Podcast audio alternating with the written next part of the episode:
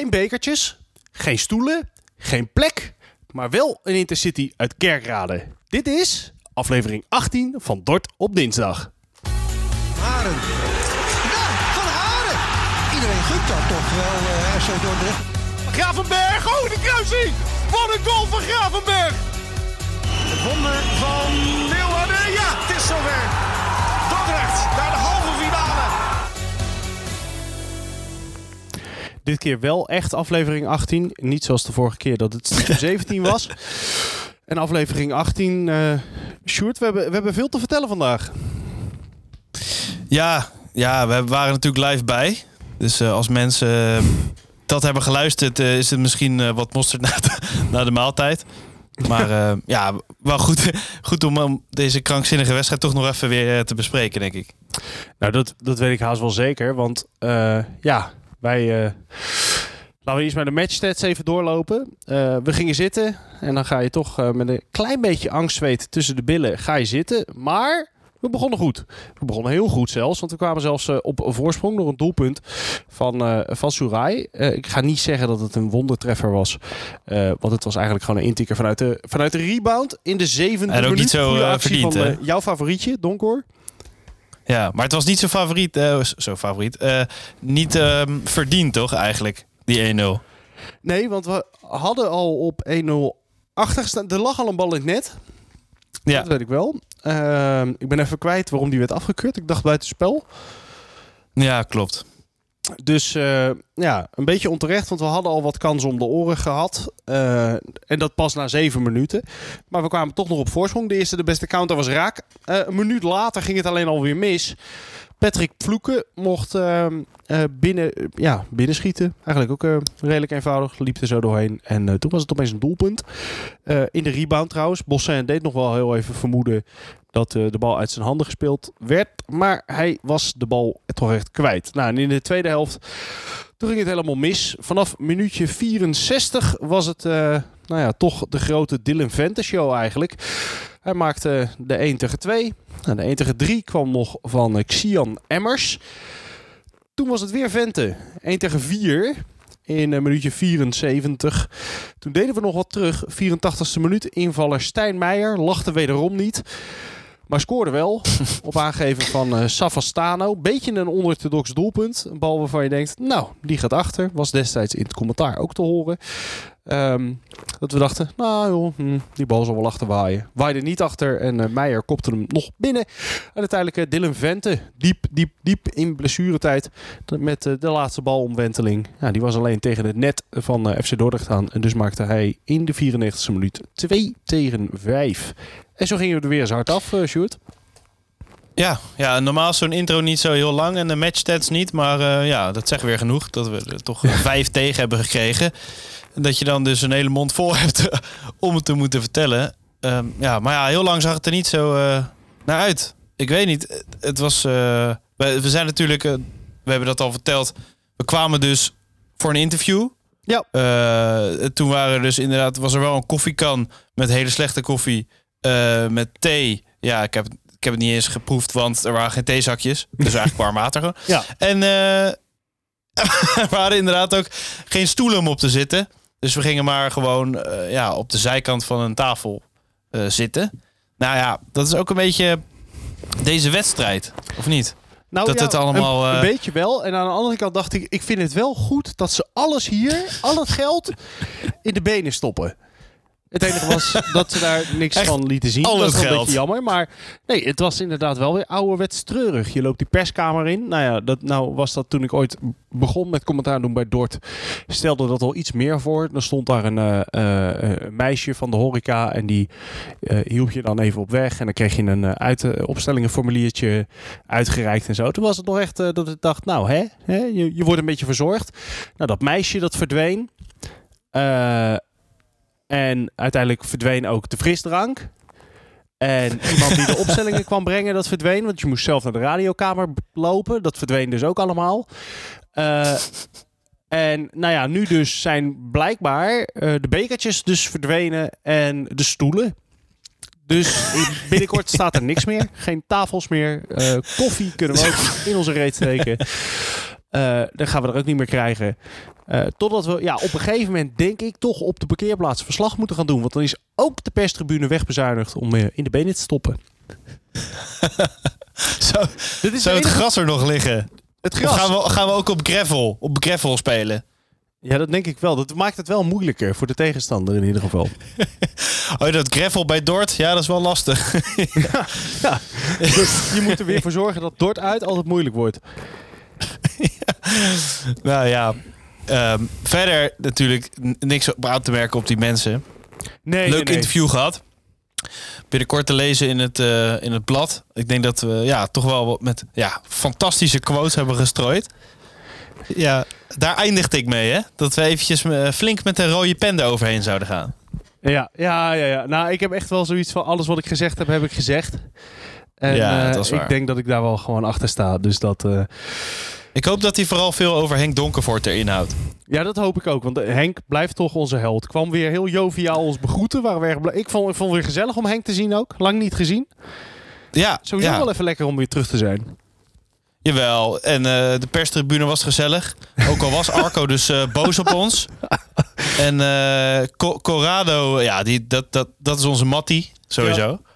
Ehm, Shout out. maar verder werden we wel een beetje met de nek aangekeken door, door de eh, ja, pers van Roda, volgens mij. En Ja. het werd, werd allemaal een beetje ongemakkelijk. En ze stonden ons zo'n beetje aan te kijken. En toen dacht ik, ja, wat, wat, wat wil je nou? maar dat is gewoon, ja, hoe zeg je dat? Hoe, hoe stug ze zijn daar of zo. Het- Ja, ik Ja. kon er vinger niet op krijgen. Nou, ik vond, ik vond de quote van eh, Arco Bomgaars, die vond ik de mooiste van de hele avond. Het hele jaar zie je ze niet en nu gaan ze moeilijk lopen doen om een plekje. Toen dacht ik, ja, Ja, ja. nou, er is geen spel Dat- tussen te krijgen. dat komt misschien wel een beetje omdat ESPN natuurlijk gewoon ook eh, het uitzendt. Dat, dat wij vrij nutteloos worden ervan. Overigens, later in, in deze week, ja, ik ga kijken of er iets met de socials mee kan. Want eh, ja, ik heb hem dus nu ook niet bij me. Want mijn telefoon ligt op mijn werk. Eh, het interview met Twan van Huizen. Ehm, die daar ook eh, best wel. eh, ja, ik wil niet zeggen. Dit, dit, je, dit, de moedeloosheid straalde er vanaf. ja, Je zag ja, aan hem, ja, hij wilde alles zeggen om maar een beetje, mo- maar dat lukte ook niet. Nee, ik stond er ook eh, bij. En toen zei hij, ja, ja, weet je, je hebt gelijk wat je zegt. Vind je het niet lastig om op de training te komen? En dan denk je, dan gaan we weer. En dan sta je op het veld op vrijdag. Of eh, zondag, soms. Laat ik dat woord gebruiken. Ehm, en denk je niet van, het gaat weer mis. Wat heb ik hier nou aan? Wat, wat doe ik hier? Wat doen wij hier? Wat, wat is dit voor club? Nou, dat, dat zei hij precies, toch? Ja.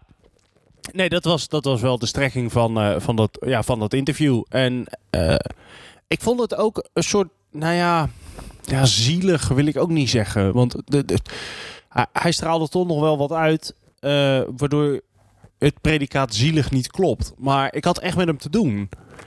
Dat ik dacht, ja, weet je, ik, ik, ik voel je wel. En iedere keer moet hij als aanvoerder ook voor die, voor die kutcamera's verschijnen. Om dan weer te vertellen wat er allemaal mis is gegaan. Nou ja, dat, dat Ja. zei hij ook van. Dat was hij een beetje zat. Nou ja, ik heb hem de belofte gedaan dat als er weer gewonnen werd. Dan zouden we hem ook weer eh, even aan zijn jasje trekken. Wat vragen stellen. Want het is natuurlijk veel leuker om lekker te analyseren wat er goed ging.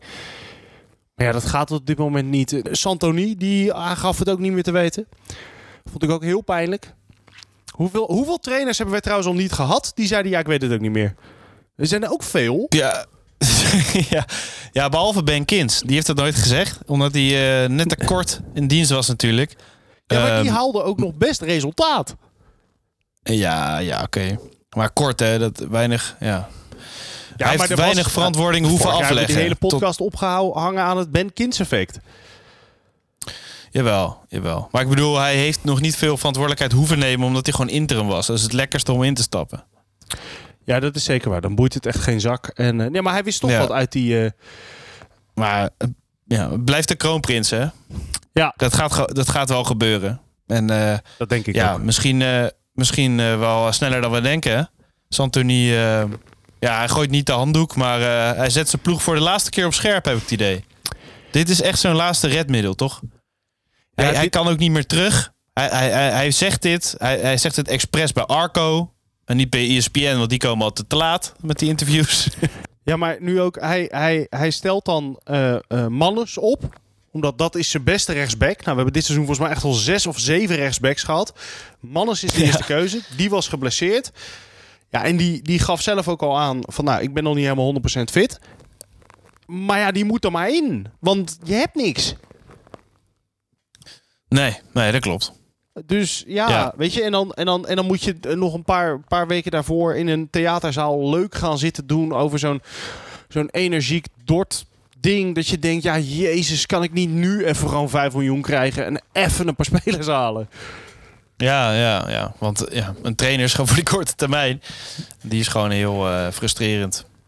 Ja, ja. Maar goed, ja, ja ik vond het toch, eh, toch mooi om eh, weer bij te zijn. Dat wel. Ik Ja. heb me wel vermaakt. Ik heb me ook kostelijk vermaakt. Treintje uit Kerkrade vond ik nog mooi bij die corners. Lekker tjoeke tjoeke achter elkaar. Die elke keer eh, dezelfde manier van hoekschop eh, nemen. En dan elke keer dat treintje weer in. Ja, het werd een gimmick. Nou ja, genoeg negativiteit. Ehm, want eh, ja, ik wilde eigenlijk een brug, bruggetje maken. Energiek Dort. Nou ja, een, iemand die altijd energiek was. Ik vond hem ook nog belachelijk opgewekt. Na ja, toch een hele harde nederlaag. Maar dat was ook omdat hij natuurlijk een haakje had gevonden met eh de doelpuntenmaker aan de andere kant. Dylan Vente. Die kon hij mooi interviewen voor een itempje bij Rijnmond. Sjoerd de Vos. Die heeft eh, voor ons weer een, eh, een lichtpunt weten te vinden. En daar gaat hij ons gelukkig mee maken. Het lichtpunt van Dort. Nee, het is weer niet het seizoen van SC Dordrecht. De laatste plaats is al enige speelronde in handen en de ploeg leidt wederom nederlaag op nederlaag. En de tegendoelpunten vallen ook rap aan de kant van de schapenkoppen. Maar toch wil ik een lichtpuntje eruit halen. Zoals ik al zei in de rust van de wedstrijd tegen Rode JC, vond ik Jackie Doncourt wel een aardige indruk maken. Hij had een belangrijk aandeel bij het openingsdoelpunt van het duel. En Doncourt is misschien wel een van de weinige spelers van SC Dordrecht die de afgelopen weken er wel staat als het moet. Misschien dat zijn rendement wat omhoog kan. Als buitenspeler verwacht je misschien wat meer.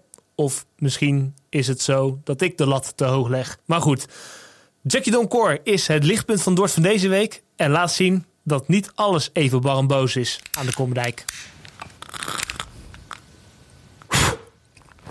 Het zit in de naam, Sjoerd. Is dat zo? Fan zijn van Jackie Donkoor. Ja, man. Ja. ja, je zei, je betrapte me in de rust erop dat ik eh, ging stralen toen ik het over hem had. Ja, dat is altijd leuk bij zo'n analysemomentje. Dan, dan is het voor mij ook het moment om af en toe even mijn bek te houden. En dan kun je analyseren wat de mensen om je heen doen. Ik zag, het ging over Donkoor. En eh, ik zag jou helemaal stralen. Helemaal gelukkig. Ik was echt zo aan het kwispelen. Zo van, oh, oh hij zegt eh Donkor. Ja, dan, dan kan ik daar ook nog wat over zeggen. Ja, ja inderdaad, klopt. Eh Donkor, goede speler. Ja, ja maar Ja. eerlijk is eerlijk. Is Ja. ook wel gewoon een hele goede speler. Het, dat, dat is nou de enige waarvan ik zeg... Nou, als Dort nog een speler moet verkopen... Of in ieder geval zou verkopen... Dan is het Donkoor. Ja, ja hij, nou, eh, jij zei het op een gegeven moment ook in je verslag... dat hij eh, de bal heel goed aanneemt. Ondanks dat het vrij, vrij hoge, vrij kansloze ballen zijn... komt hij toch met zijn lichaam erbij. En ik kan niet helemaal goed eh, vertellen hoe hij dat doet. Maar hij doet het wel heel goed. Hij kan dus gewoon springen en tegelijkertijd gewoon zijn voet eh, goed plaatsen. Of ja, hij kan in ieder geval goed met zijn lichaam omgaan en dan omschakelen. Nou ja, Nou het is, het is in dat opzicht dat een deed hij een paar keer goed. Ja, het is gewoon een atleet. En alleen is het af en toe dat je denkt van niet op die plek die actie. Weet je wel, dat is toch dat frivole wat, wat ook wel ja, wat negatieve kanten heeft. Ja, Maar Nou, ja, eh, ik dan moet, dan moet de rest maar voor hem Aan gaan die- werken een keer. Ja. Nou, aan die linkerkant had ik wel dat eh, Donkor en Pascu, die begrepen elkaar niet zo. Dat ging nog mij veel te vaak mis. Dat Donkor dan Ja. een actie had, die ging eenmaal voorbij. Ja. Maar ja, we waren nog op eigen helft. Dus dan moet je hem kwijt. En dan ging Pascu ruimtes inlopen waar eigenlijk Donkor heen had gewild. En die je gewoon met Mhm. een 1-2 speel je het uit. Alleen Pascu loopt Ja, daarheen. ja. En dan speelde Donkor waar de Pascu stond. Als mensen het nog begrijpen. Ik- ja, en daar stond Ja. Pascu dus niet meer. En dan ging hij naar een tegenstander. Ik denk ook dat, eh, dat ik precies weet welk moment je ongeveer bedoelt. Want toen werd Roda gevaarlijk daaruit. Of zelfs een doelpunt. Dat weet ik niet. Maar eh, Nee, dat Donker dat inderdaad... ja, nou ja, oké. een E2'tje wilde aangaan inderdaad. En wel vaker. Dat hij dan niet begrepen werd of zo. Maar dat kan hij natuurlijk misschien zelf ook beter doen en beter aangeven. Dus ja, de afstemming is gewoon niet goed nog. Nee, Maar eh, er, zit nog, er zit nog veel meer in, denk ik. maar ik, ik ga me toch wagen aan de brug der bruggen. Want jij moest even graven in je geheugen om dat momentje nog even naar voren te halen. Nou, nou hebben we dus iemand die dat iedere week doet. Eh, graven in het geheugen. En die heeft daar dan een heel Ja. mooi verhaal bij. En dat gaat hij ons dan vertellen. Het is de slechtste brug die ik ooit in mijn leven heb gemaakt. Maar ik vond hem toch leuk. En dus geef ik het woord aan Dave Datema. De dag van Dave. Na bijna 20 doelpunten tegen in vier wedstrijden is het tijd om de olifant in de kamer te bespreken. En dan bedoel ik niet die olifant die je nichtje van vier heeft gekregen voor Sinterklaas afgelopen weekend.